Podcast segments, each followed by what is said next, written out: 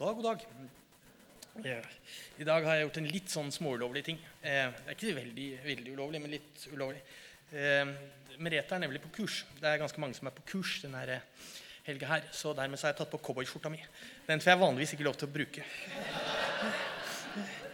Men man kan være tøff når man Ja. Eh,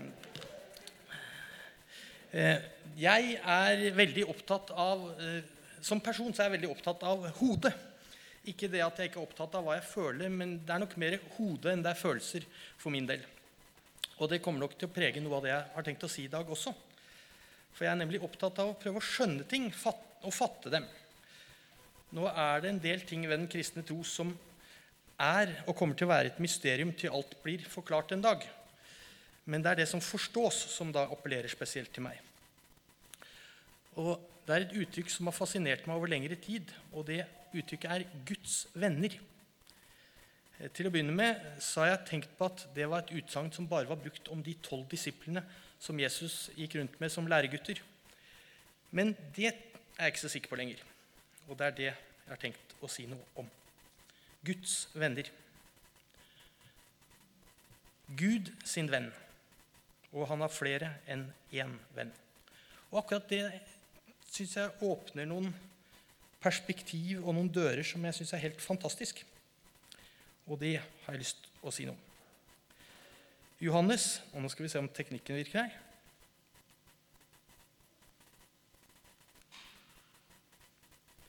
Vi skal trykke på pil fram. Se der. Der kom det opp. Johannes har skrevet ned det Jesus sa i kapittel 15, vers 15. Og der står det Jeg kaller dere ikke lenger tjenere, jeg kaller dere venner. Og Ordet som brukes om venner, det er det samme ordet som brukes om en forlover i et bryllup. Altså ikke en tilfeldig bekjent, men en nær venn. Og det er Jesus som kaller oss sine venner. Jeg skal ta med resten av verset om litt, men først skal vi dvele litt ved det. Og forresten, Hvis man først begynner å lete etter steder i Bibelen der det står om at vi er venner med Gud, så dukker det opp flere enn bare Johannes 15. 15. Ehm, men jeg tror heller ikke, som en sånn der advarsel Jeg tror ikke det at vi er Guds venner, dekker alt hva Gud er. Til det er han for stor, og mine tanker for små. Men det å være Guds venn, det vil dekke noe av forholdet mellom oss og Gud. Vi har jo andre utsagn også om vårt forhold til Gud, f.eks. det å være Guds barn. Det å ha barnekår hos Gud. Og Misjonskirken Norge, som, er, som vi er en del av, har det som første del av sitt motto. Guds barns enhet. Men for å komme tilbake på sporet igjen det var ikke Guds barn vi skulle snakke om, det var Guds venner. For noen år siden så kom det ut en bok av en tidligere pastor ved navn Paul Young. tror jeg det var. Boken hans hadde en stor, det ble en svær salgssuksess, og det ble til en helaftens spillefilm eh, som kom ut for ikke så lenge siden. Eller et par år siden, kanskje. Og den heter Sk- Skjule, Skjulet. The Shack. Noen av dere har lest den, og noen har sett filmen, og noen har gjort begge deler. Og eh, Grunnen til at han skrev den boken, var ikke fordi at han ønsket å bli forfatter, eller at han i første rekke ønsket å få publisert boken. Han skrev den, og så kopierte han den i noen få eksemplarer på en lokal butikk. Det skulle bli julegaven til ungene sine.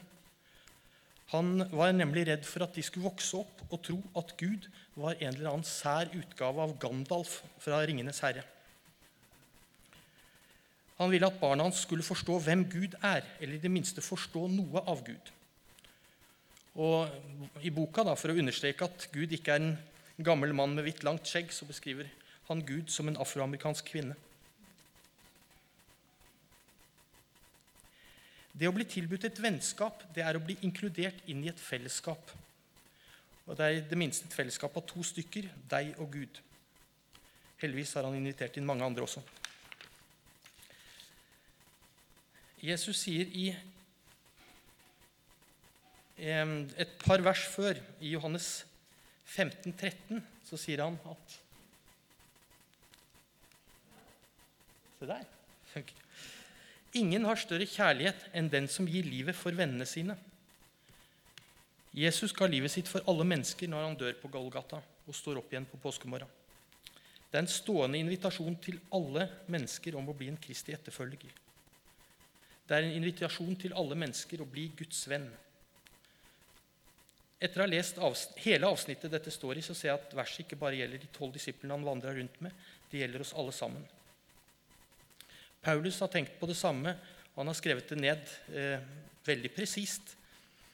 Eh, han skrev nemlig romerbrev for å forklare mye av det som er kristendommens grunn.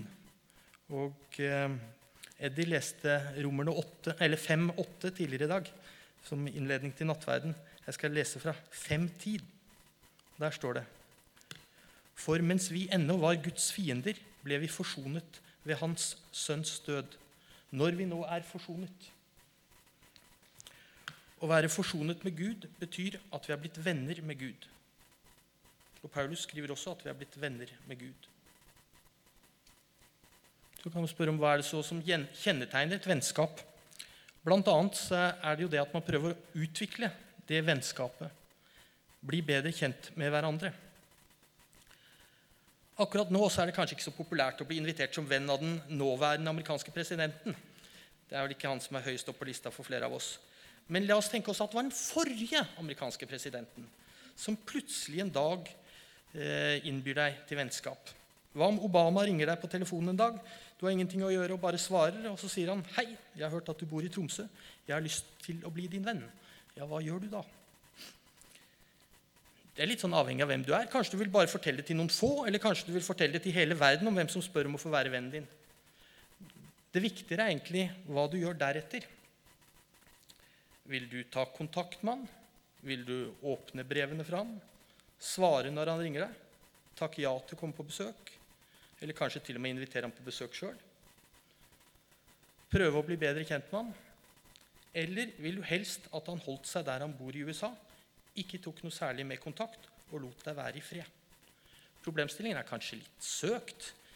Eh, Obama vil jo aldri finne på å ringe til meg. Kanskje til deg, men han aner jo ikke hvem jeg er. Og han er helt sikkert ikke interessert.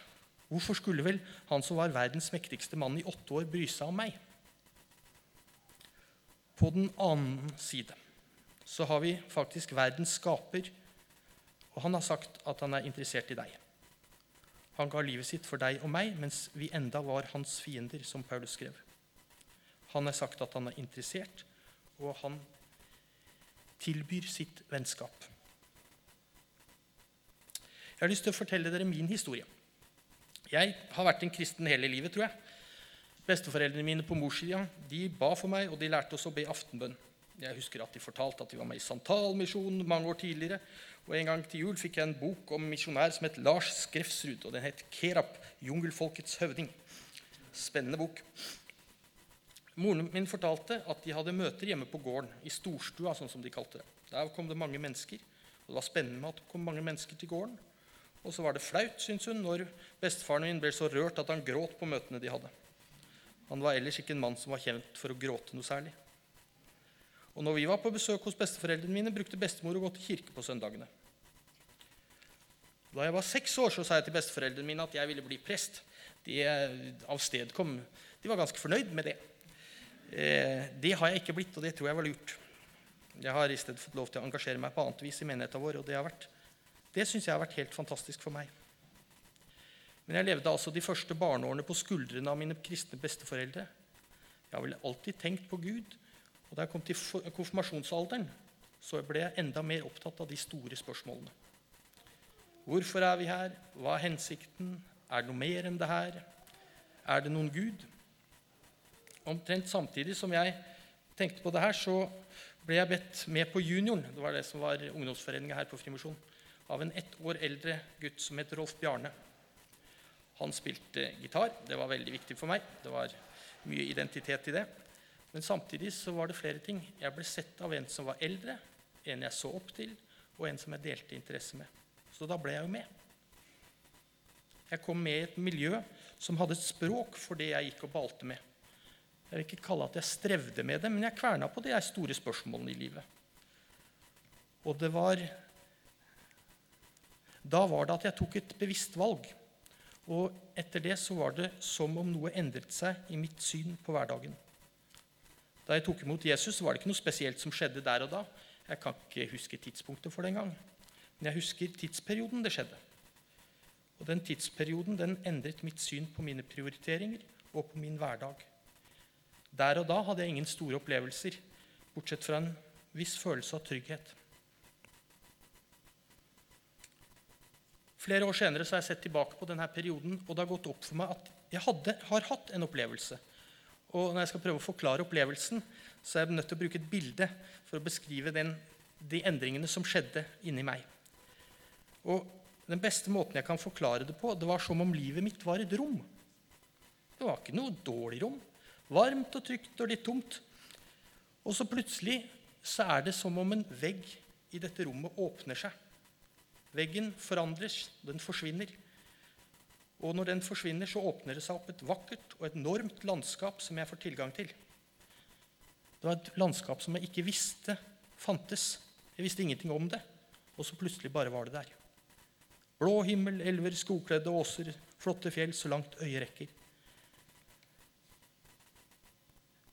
Og for meg så ble dette Guds landskap som han ville vise til meg, eller til oss.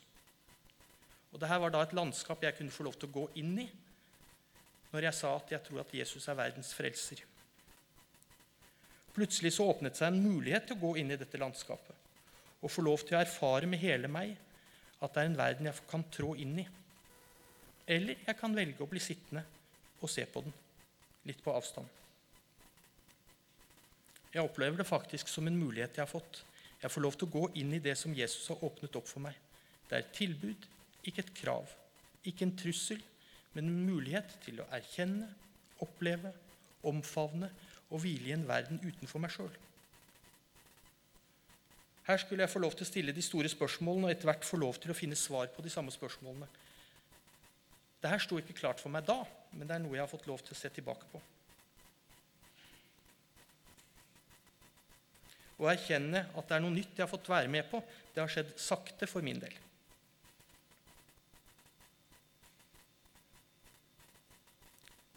Hvordan tenker da Gud om dette vennskapet som han tilbyr oss? Vi kan kanskje få et inntrykk av det ut ifra det som står i Første Mosebok kapittel 2. Der beskrives forholdet mellom Gud og menneske, at de møttes i den svale kveldsbrisen. Det er et godt tidspunkt å møtes på. Så står det videre i Bibelen at hele denne balansen forrykkes. Med syndefallet så kommer det et skille mellom Gud og mennesker. Og I hele Det gamle testamentet så er det ikke mange mennesker som blir kalt for Guds venner. Det er, jeg har fått med meg at det er fem stykker som regnes opp i Det gamle testamentet som Guds venner. Det er Abraham, David, Moses, Enok og Jobb. Men Gud snakker gjennom sine profeter i Gamle testamentet, og der kan vi finne noen nydelige tekster om Guds lengsel profetene som skriver at Gud lengter etter en nærhet med menneskene. Se der.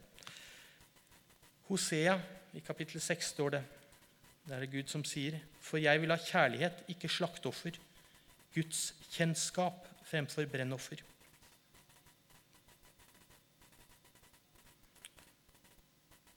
Hvordan skal vi kunne få kjenne og få kjennskap til noe som er så motsatt av oss sjøl? Gud er usynlig, han er allmektig, han er perfekt, han er uendelig. Han er alt det jeg ikke er. Og svaret på det, det finnes i Jesus. Jesus kom som et menneske med de samme fysiske begrensninger som deg og meg. Han viste oss hvem Gud er, og han åpnet veien inn til Gud. Og han fortalte oss om Gud. Og Verset i, i Johannes kapittel 15, der han kaller oss for venner, det har nemlig en begrunnelse for hvorfor han kaller oss for venner. Og hele vers 15 lyder slik.: Jeg kaller dere ikke lenger tjenere, for tjeneren vet ikke hva Herren hans gjør. Jeg kaller dere venner, for jeg har gjort kjent for dere alt jeg har hørt av min far. Jeg kaller dere venner, for jeg har gjort kjent for dere alt jeg har hørt av min far. Det kan vi la synke inn. Jesus har gjort kjent, dvs. Si han har lært oss, vist oss, det han har hørt fra Gud. Vi kan derfor kjenne Gud ut ifra det Jesus har lært oss. Hvordan kan vi bli bedre kjent med Gud? Her skal ikke jeg komme med noen oppskrift, for de spesielle oppskrifter på hvordan man skal gjøre ting, det funker ikke for alle. Vi er forskjellige mennesker i forskjellige livsfaser og med forskjellige ting som presser på. Vi kunne gitt mange eksempler, men la det være. Dere kan se rundt dere om dere ønsker det. Forskjellene er åpenbare. Men det jeg vil si noe om, er hensikten. Og hensikten er at vi skal søke Gud bevisst og ærlig. Det har ingenting med teknikk å gjøre. Dersom du er bevisst på å søke Gud, så kan du gjøre det i alle situasjoner og omstendigheter. Jeg har f.eks. ikke tall på alle de gangene jeg har stått oppe i ulike situasjoner på jobben min og bedt Gud eh, en bønn om hjelp. Jeg tror egentlig at Arthur Arntzen både treffer blink i oppfatningen av mange mennesker tror om Gud, og han bommer totalt på hva det burde være når han forteller historien om en mann som lider skipbrudd. Han, han, beskriver det malerisk. Det er ganske morsomt, det han forteller. Men, men kvintessensen av dette er en mann som ligger på kjølen da, og rir, og så begynner han å be. Kjære Gud, kan du være så snill å høre på meg denne ene, denne ene, gangen? Jeg er jo ikke en av de der som går rundt og maser på deg hver eneste dag.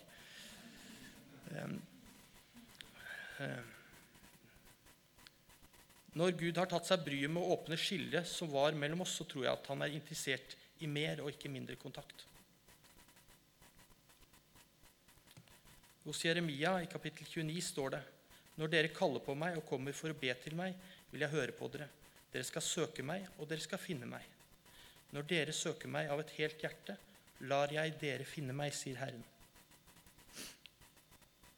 Jesus ble bedt av disiplene sine om å lære dem å be. Og like før han lærer dem bønnen 'Vår Far', så forklarer han dem selve holdningen til det å be. Vi skal være ærlige i vårt møte med Gud i bønn. Og Jeg liker spesielt godt hvordan det her legges fram i en utgave av Det nye testamentet som heter The Message. The Message er ikke en direkte oversettelse av teksten slik den ble skrevet opprinnelig, men med moderne språkdrakt har den forsøkt å favne betydningen av det som blir skrevet. Og der står det. Det er Matteus 6. Og når du kommer foran Gud, ikke gjør det til en teaterforestilling det finnes mange mennesker som lager en hel forestilling ut av bønnene sine. De drømmer om å bli berømte. Tror du at Gud er en teaterkritiker? Dette er hva du skal gjøre. Finn et stille, bortgjemt sted, så du ikke blir fristet til å gjøre deg til for Gud. Fremfør et rollespill. Bare vær der så enkelt og ærlig som du kan klare. Ditt fokus vil da endre seg fra deg til Gud, og du vil begynne å kjenne Hans nåde. Verden den er full av såkalte bønnekjemper som er helt uvitende når det kommer til bønn. De er fulle av oppskrifter og programmer og råd. De selger teknikker for at du skal få det du vil fra Gud. Ikke fall for sånt tull. Dette er din far du har med å gjøre, og han vet enda bedre enn deg hva det er du trenger. Når Gud er din far som elsker deg, da kan du be veldig enkelt. Oppfordringen til oss alle i dag det er å søke Gud uansett hvor vi må være i livene våre. Søke Gud med hele meg og med hele deg, ikke bare med den delen vi tror passer inn hos Gud. Vi har fått eh, innbydelsen til å ha en venn. Og det er ikke en hvilken som helst venn. Det er universets skaper som finner det verdifullt å ha en venn som deg. Og det er han som har strukket ut hånden sin først. Det skal man ikke tenke smått om. Ikke tenk smått om det å være kristen heller. Gud vil være din venn.